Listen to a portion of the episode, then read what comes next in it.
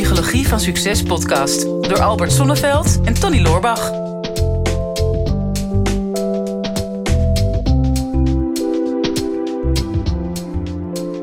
Albert, Ja, Tony. we zijn door eh, de 3 miljoen downloads heen. Ja. Onze podcast. Wat een succes, hè? Ja, ja 3 miljoen. 3 miljoen man. Dat is echt niet normaal. Gewoon. Ja. Al die mensen, die moeten we echt wel even bedanken. Ontzettend bedankt dat jullie nog steeds naar ons luisteren. Ik heb geen idee, misschien heb je de hele zomer al last gehad van vliegen. Denk één podcast luisteren en eh, het huis is vliegenvrij. Maar wat de reden ook is, wij zijn er blij mee. Ja, nou, ik ben blij dat jij dit even doet. Bedankt. We vullen elkaar ook wel goed aan. Ja, hè? Dan geef ik de aanleiding en doe jij het bedanken. Ja, ja, ja je mag ook nog even. Nee, ik, ben, ik ben er echt hartstikke dankbaar voor. Ja. Echt, echt sowieso niet verwacht van tevoren. Dat is een groot succes. Nee. Maar vind jij dat het het succes waard is geweest? Hebben wij er andere dingen voor moeten laten? Vast wel. Gewetensvraag. ja, Als je het allemaal had geweten, was je er dan aan begonnen? Ja, ja, absoluut. Ja, ja, ja, ja. Er is geen moment dat ik daar eh, spijt van heb. Nee, Nee? nee, zeker niet. Nee. Goh, ik, als ik weet... Ik word sowieso blij eh, van... ehm, ja, als ik een bijdrage kan leveren aan mensen. En ja, dat weet je ook wel. Ik hou van inspireren, raken en geraakt worden. Ja, en als je dan ehm, de klantenservice, eh, de, de berichtjes die binnenkomen naar aanleiding van de podcast. Ehm, hè, wat je, als je dan leest wat, wat het doet met mensen en, en hoe hun leven is veranderd zelfs. Ja, dat had ik nooit kunnen bedenken. Dus ja, dat geeft mij in ieder geval een heel goed gevoel dat ik andere mensen blij heb kunnen maken. En, en de druk die erbij komt, ervaar jij druk? Want kijk, weet je, toen wij begonnen, toen dachten we waarschijnlijk gaat er niemand naar luisteren. Ja, Nu luisteren er natuurlijk zo'n eh, 14.000 mensen elke week naar, eh, Ja. naar ons. Heb, jij daar een bepaalde druk als, jij, als we zo'n opnamedag hebben... dat je denkt van nou, hè, het, moet wel, eh, het moet wel goed zijn? Ja, nou, het moet wel goed zijn, maar het hangt eigenlijk niet zo af van de aantallen of zo. Ehm, en of het er nou 10.000, 14.000 of 20.000 zijn, dat, dat voel ik niet. Dat is voor mij dan te abstract of zo.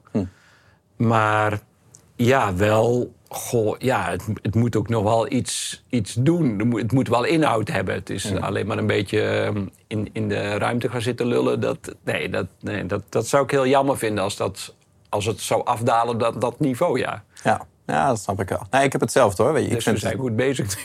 ja, nou Ja, we ja, al twee, twee minuten hebben we het, hebben we het nergens over gehad. jawel, dat gaat hier hartstikke ergens over. Oh, want we gaan het straks hebben over succes. Oh, een leuk bruggetje. en- ja, en, eh, want we hebben een vraag van Gerrit gekregen. Een lange vraag, dus ik zal hem nu niet voorlezen... want anders zijn we nog weer een half minuut eh, verder. Maar dat, dat gaat over, zeg maar, hè, is, is succes succes te noemen... op het ene vlak als je er op een ander vlak in je leven... heel veel voor hebt moeten laten. Hmm. En eh, dat is natuurlijk een interessante vraag. En dat is ook voor onze podcast. Van, ja, ik vind het een groot succes en ik ben blij dat we het doen. Ja. Als ik het vooraf had geweten, dan hadden we het ook gedaan. Ja. Ik heb ook niet het idee dat we er heel veel voor moeten laten. Maar ik voel ook wel eens, eh, we hebben ook wel eens opnamedagen dat ik de dag van tevoren denk van pff, Ja. eigenlijk wil ik gewoon morgen even vrij zijn. Of het Ja. komt me dan niet uit. Of er staan dan een paar onderwerpen klaar waarvan ik dan denk van ja, ik weet daar eigenlijk niet meteen iets over te vertellen. Mhm. En nou, dan luisteren toch wel veel mensen. We krijgen veel complimenten daarop. Dus dan Ja. wil je ook gewoon iets goeds blijven maken als veel mensen daar iets aan hebben. Ik voel dan wel eens druk. Ja. Ik denk van nou, eh, als ik nu op dit moment de keuze had gehad, dan, dan had ik liever de podcast even niet. Want dan had ik hier nu niet iets zinnigs over hoeven zeggen. Ja. ja, natuurlijk herken ik dat wel. En tegelijkertijd weet ik ook... ehm, dit, dit zal altijd blijven. Weet je? En, en dat is ook gezond en, en gelukkig ook. Ik moet ook altijd denken aan artiesten... die dan een bepaalde nummer 1 hit hebben gescoord. En denk ja, dat was relatief makkelijk, die, die, die hit scoren. Maar om op dat niveau te blijven, jarenlang... ja, dat is, dat is uiteindelijk veel ingewikkelder. Ja. Ehm, maar ja, ik, ik hou er ook van om mezelf op die manier ook weer uit te dagen en ook scherp te houden op eh, bepaalde onderwerpen. Want dat is natuurlijk wel, wij, wij krijgen die vragen dan binnen. Dankjewel daarvoor trouwens. Ja, en dan, eh, ja, wij bereiden wel een soort van voor. Hè. Dus eh, twee dagen van tevoren dan gaan we even, even snel op en neer appen van welke onderwerpen gaan we pakken deze keer. En dan, ja, dan kan ik daar weer helemaal induiken. En dat vind ik ook leuk. Hè, met mijn eigen verhalen en anekdotes, maar ook eh, theoretische ondersteuning erbij en altijd een aantal tips. Vaak heb, maak ik dan ook wel wat aantekeningen, die ik eh, vandaag dan weer vergeten ben. ja, dus het gaat een stuk beter van mij. Dus het gaat echt een heel stuk beter. Ja, en dan gaat het echt over inspiratie krijgen. En die inspiratie durven ontvangen ook.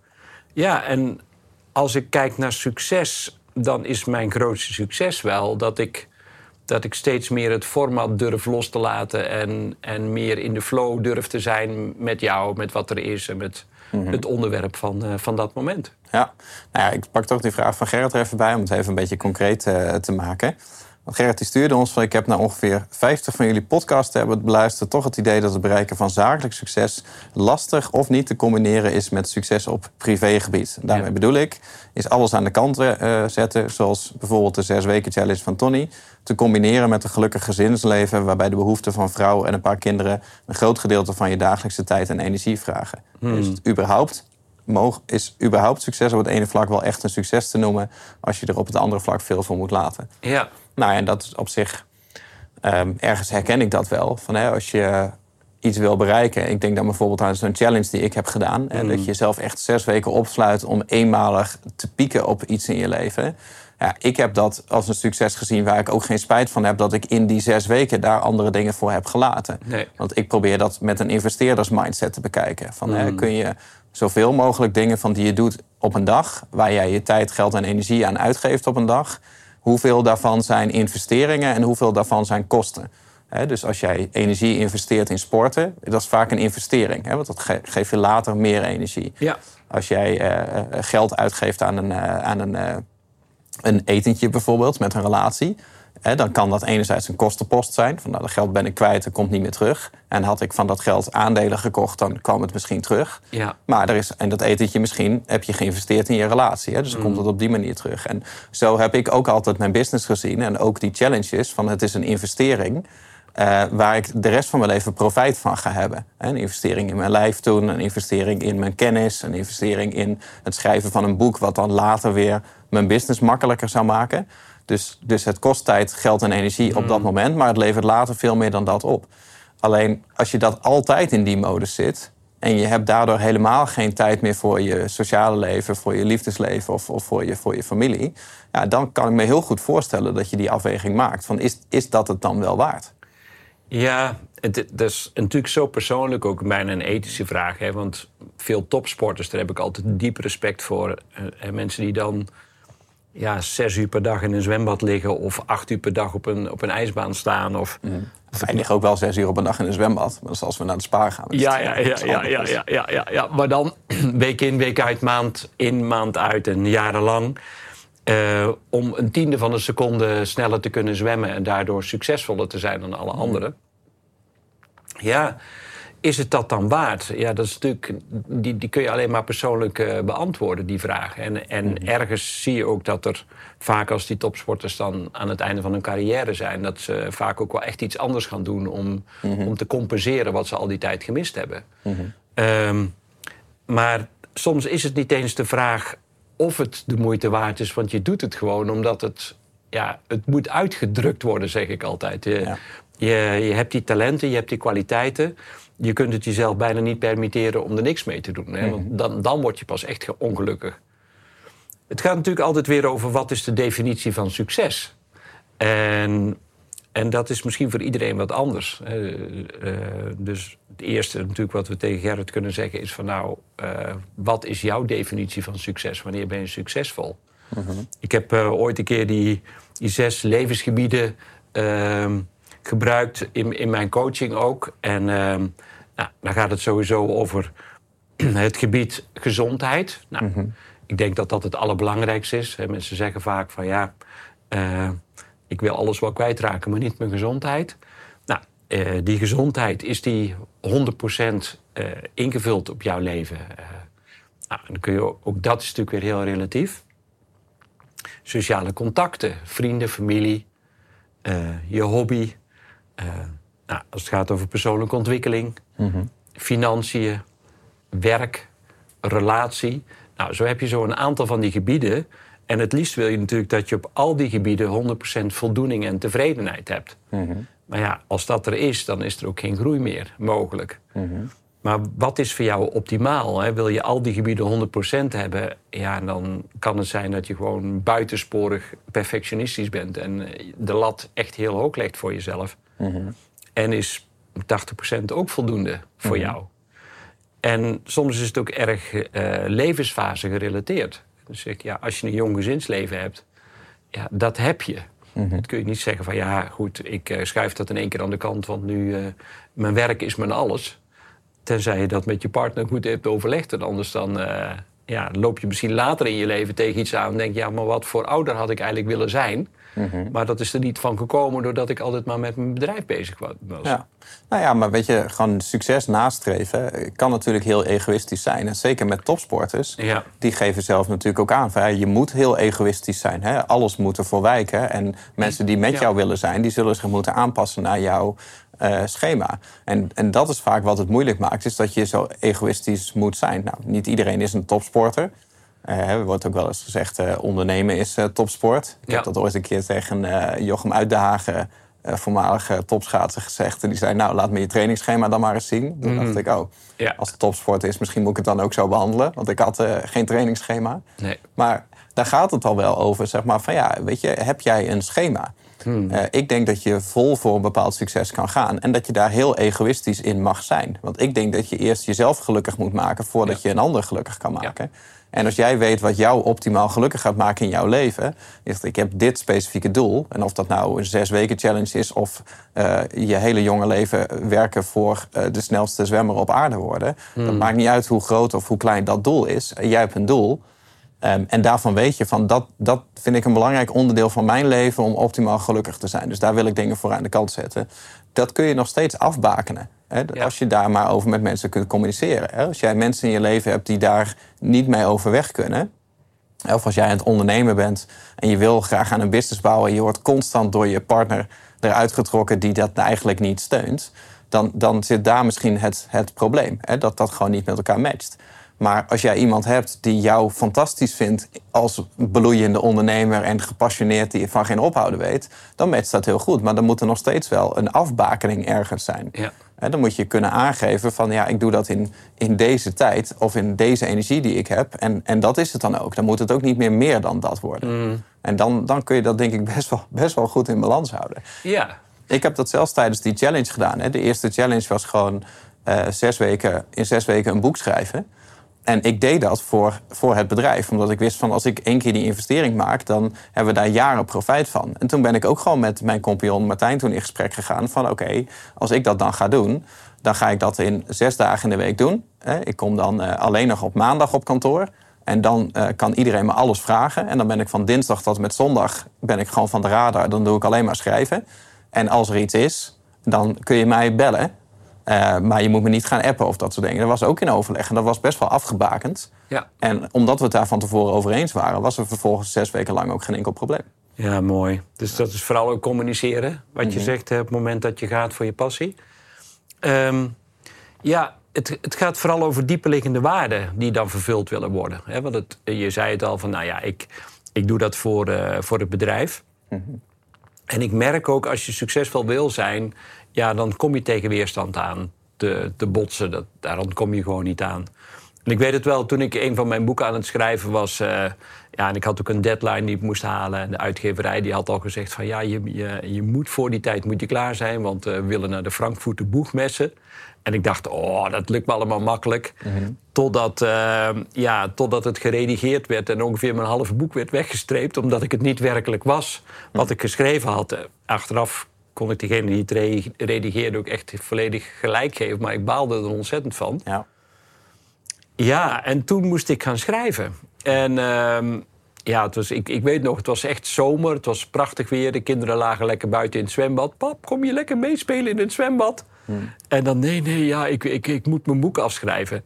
Nou, en ik haatte mezelf. Want ik denk, ja, wat voor vader wil ik eigenlijk zijn voor mijn kinderen... op het moment dat ik hier zit te werken op zondag...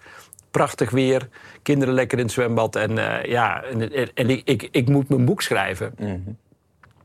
En toen had ik ontzettend veel medelijden met mezelf. Dus toen zat ik echt eh, te mopperen. En dan denk ik, ja, waarom nou? En eh, waarom moest dat dan weer zo nodig? En toen heb ik het even weggelegd. En toen ben ik gaan kijken naar een veel hoger plan. Toen dacht ik van, ja, ik zit nu wel heel erg ingezoomd op dat ene boek. Maar stel je nou eens voor dat dit een succes gaat worden, dit boek. Hè, dan heb je weer succes.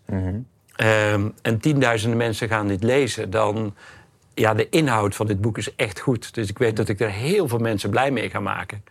En toen kwam ik weer op een diepere waarde, namelijk bijdrage leveren, inspireren. Dat is wie ik in de kern ben. En dan dacht ik, ja, ook al is er maar één iemand die dit boek leest en daardoor het leven radicaal verandert, dan is het nu al de moeite waard dat ik op deze zondagmiddag, op een eh, zonnige zondagmiddag, terwijl de kinderen in het zwembad liggen, dit gewoon ga afmaken. En heel gek, toen, toen ik was uitgezoomd en weer contact had met mijn werkelijke drijfveer, ja, toen kon ik het ook maken. En toen vond, toen vond ik mezelf ook succesvol. Want dan, en dat is het wonderlijke, dat is blijkbaar toch een soort criterium. ehm, succes, als het in lijn is met jouw dieperliggende drijfveren. En dat is natuurlijk ook wat een topsporter meemaakt. Ja, uiteindelijk doe je het niet, voor die medaille of voor die waardering en die erkenning. Maar er zit vaak iets onder. Wat gewoon onvermijdelijk is, wat jij gewoon wil doen in je leven. Ja. Ja, maar het is wel, weet je, als je nou kijkt naar zo'n proces van zo'n boek schrijven. Ik snap als jij die overweging maakt van ga ik voor mijn eigen plezier en mijn eigen geluk als vader nu op dit moment. Of ga ik voor mijn diepere missie voor heel veel mensen. Ja. Nou, als dat een één, één beslissing is en dat zwembadmoment dat komt elke week weer terug, dan vind ik Ja. dat een hele logische beslissing. Ja. Maar als dat nou jaren duurt en je neemt elke dag neem je opnieuw weer deze beslissing. Hmm. En daardoor mis je eigenlijk, en maak je dus heel veel mensen gelukkig. Maar Ja. uiteindelijk heb je je eigen leven daardoor opzij gezet. En Ja. heb, je, heb je dan niet die vader kunnen zijn. En die jaren komen natuurlijk niet meer terug. Nee. Die kan je niet meer, als je dochters volwassen zijn, kan je niet meer zeggen van nou, we gaan nog even je, je jeugd herbeleven. Nee. Want die heb ik gemist. Dan kan je natuurlijk bij de kleinkinderen kan je het nog een keer opnieuw gaan proberen in te halen. Wat, wat volgens mij heel veel opa's en oma's doen. Zeker. Van ja. nu, nu ben ik er wel. Eh, maar ik, dat, dat vind ik nog wel eens een lastige, weet je. Dan, dan, ik vind wel dat je een bepaalde afbakening moet hebben van... ik ga deze investering maken, maar hoe lang ga ik dat maken? Ja. Ik had het laatst met eh, Alex, ook een compagnon van mij, over. Wij doen, doen veel ook aandelen kopen. En hij maakte best wel een interessante opmerking. Hij zei van, in principe eh, beleg je elke dag al je geld opnieuw in dezelfde aandelen. Hij zei, want je kan het er elke dag uithalen. Dus eigenlijk neem je elke dag de beslissing dat jij precies diezelfde aandelen die je hebt, dat je die vandaag weer opnieuw koopt. Door het er Ja. niet uit te halen. Dus dat is eigenlijk dezelfde beslissing als van, nou, ik, ik maak deze investering, maak ik vandaag weer opnieuw. Of eigenlijk, zolang de beurs open is, maak je elk uur van de dag maak jij de beslissing om diezelfde investering weer opnieuw te doen. Ja. En eh, vanaf welk moment vind je die investering het dan nog steeds waard?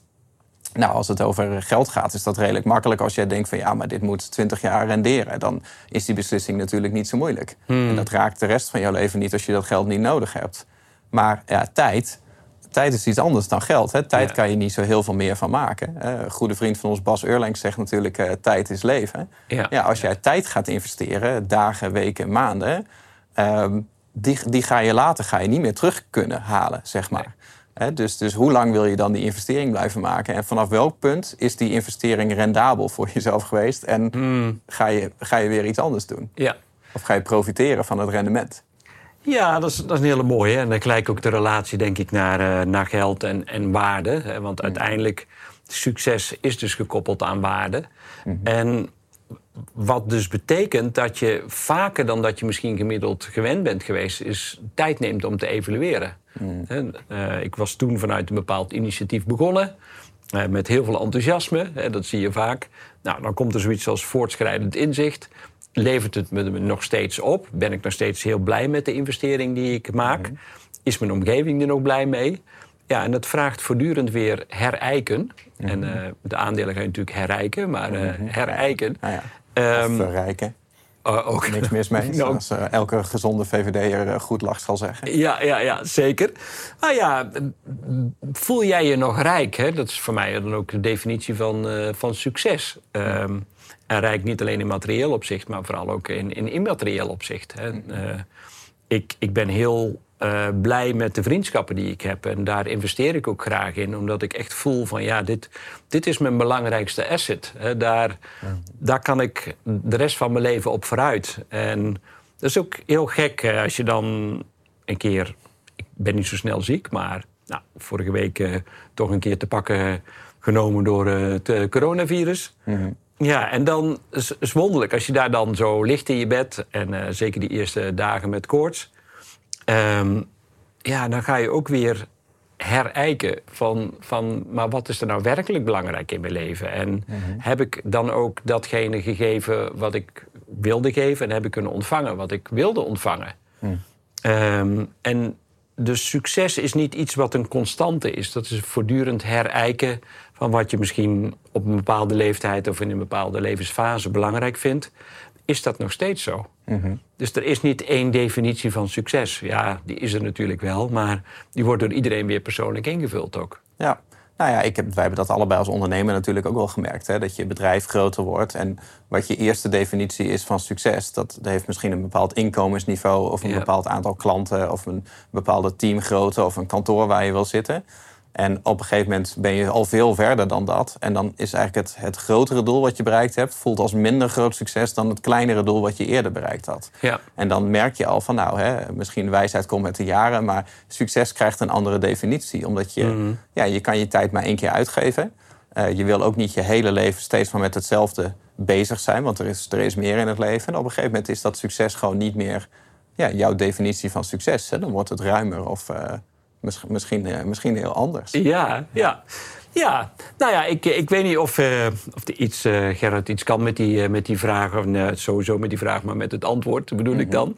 Ehm, ja, blijf het onderzoeken. Dat is eigenlijk het is een beetje een algemene vraag. Hè. En zeker ook eh, voor mensen die een podcast hebben, de psychologie van succes. Hè, Het is voor onszelf natuurlijk ook een succes. Zoveel eh, luisteraars. Ehm, maar ik merk wel ook door, door de jaren heen dat we deze podcast maken. Dat mijn definitie van succes en de psychologie van succes ook steeds weer opnieuw herijkt is. Ook, hè. De, waar we mee begonnen toen de tijd is echt heel anders dan waar we nu staan. En uiteindelijk is het ook weer anders eh, als resultaat uitgepakt. Want we hadden ook niet kunnen bedenken dat we 3 miljoen luisteraars eh, of downloads zouden hebben inmiddels. Nee, ja, en als we het wel bedacht hadden, dan hadden we het waarschijnlijk niet geloofd. Of Nee. hadden we ons een doel eh, voor ogen gesteld. En hadden we nu, inmiddels nu we het bereikt hadden, hadden we waarschijnlijk al een volgend doel. En dan hadden we er niet van kunnen genieten. En dat is denk ik wel een hele belangrijke en ook een waardevolle afsluiter, Tony. Want eh, ja, ho- hoe stel jij je doelen? Eh, Hoe realistisch zijn je doelen? Eh, hoe mild ben je voor jezelf als je met die doelen omgaat? Eh, ja, ben je daar vooral blij mee en ben je ook bereid om die doelen af en toe los te laten of te accepteren dat je bepaalde doelen niet eh, kunt of hoeft te halen? Ben je dan nog steeds succesvol? Ja, ik denk uiteindelijk gaat het over of het, eh, je doelen, of het allemaal gelukt is. En je hebt daar een boek over geschreven, Gelukt. Ja. En dat moeten mensen gewoon hebben. Ja, En die ja. gaan we deze keer ook niet gratis weggeven. Nee, Want we geven al zoveel gratis weg. Mensen moeten dat gewoon hebben. Ja, nou ja, en ze vinden op de website wel een eh, plaats waar ze dat eh, kunnen bestellen. toch? Nee hoor, dat is veel te vrijblijvend. Je moet het wel makkelijk maken voor mensen om geluk te halen. Oké, dus heb je een suggestie? Nou ja, we gaan dat linkje even bijvoegen natuurlijk bij deze aflevering. Je Ja. gaat gewoon naar de bestelpagina, kan je het boek bestellen. Het kost twee tientjes, dus daar kan je het echt niet voor laten liggen. Maar misschien kan jij nog kort even samenvatten waar het boek over gaat. Of waarom je dat zou moeten hebben. Nou ja, ehm, één, één, ja, meer dan 1 miljoen mensen heeft eh, last van eh, depressieve klachten. Het is somber. Ehm, en toen dacht ik van ja, maar hoe kan dat nou in een van de meest gelukkige landen ter wereld, een van de meest welvarende landen ter wereld? En toen ben ik ehm, geluksprofessoren gaan onderzoeken, emp- empirisch en ook wetenschappelijk li- literatuuronderzoek. En toen kwam ik op een aantal gemeenschappelijke kenmerken. ehm, die al die geluksprofessoren in beeld hadden gebracht. eh, wat voor hun de definitie is van geluk. En geluk zit natuurlijk heel dicht tegen succes. En eh, daar heb ik een eh, heel handzaam boek voor geschreven. En het mooie is, er staan ook een aantal hele mooie verhalen in van mensen waarvan je in eerste instantie zou denken: hoe is het in godsnaam mogelijk dat die nog gelukkig zijn? En wat doen die om uiteindelijk toch geluk in hun leven toe te laten? Dus zeer de moeite waard om die te gaan lezen. Een handzaam boek. Nou, dat is wel de beste, de beste samenvatting. Ik raad je zeker aan om dat, boek, eh, om dat boek te gaan bestellen. Dat is eentje die je niet alleen op de plank wil hebben, maar eh, die wil je gewoon gelezen hebben. Dus onder de YouTube-video in de beschrijving zetten we even een linkje naar dat eh, boek. Bestel hem snel, want op is op. Hè. We hebben natuurlijk een beperkte voorraad. Ja. Het schaarste werkt altijd goed. Ja, ja. En ja, laten we, gaan hem lekker lezen. En laat even, zeker ook even weten wat je ervan vond. Dit is de Psychologie van Succes podcast door Albert Sonneveld en Tony Loorbach.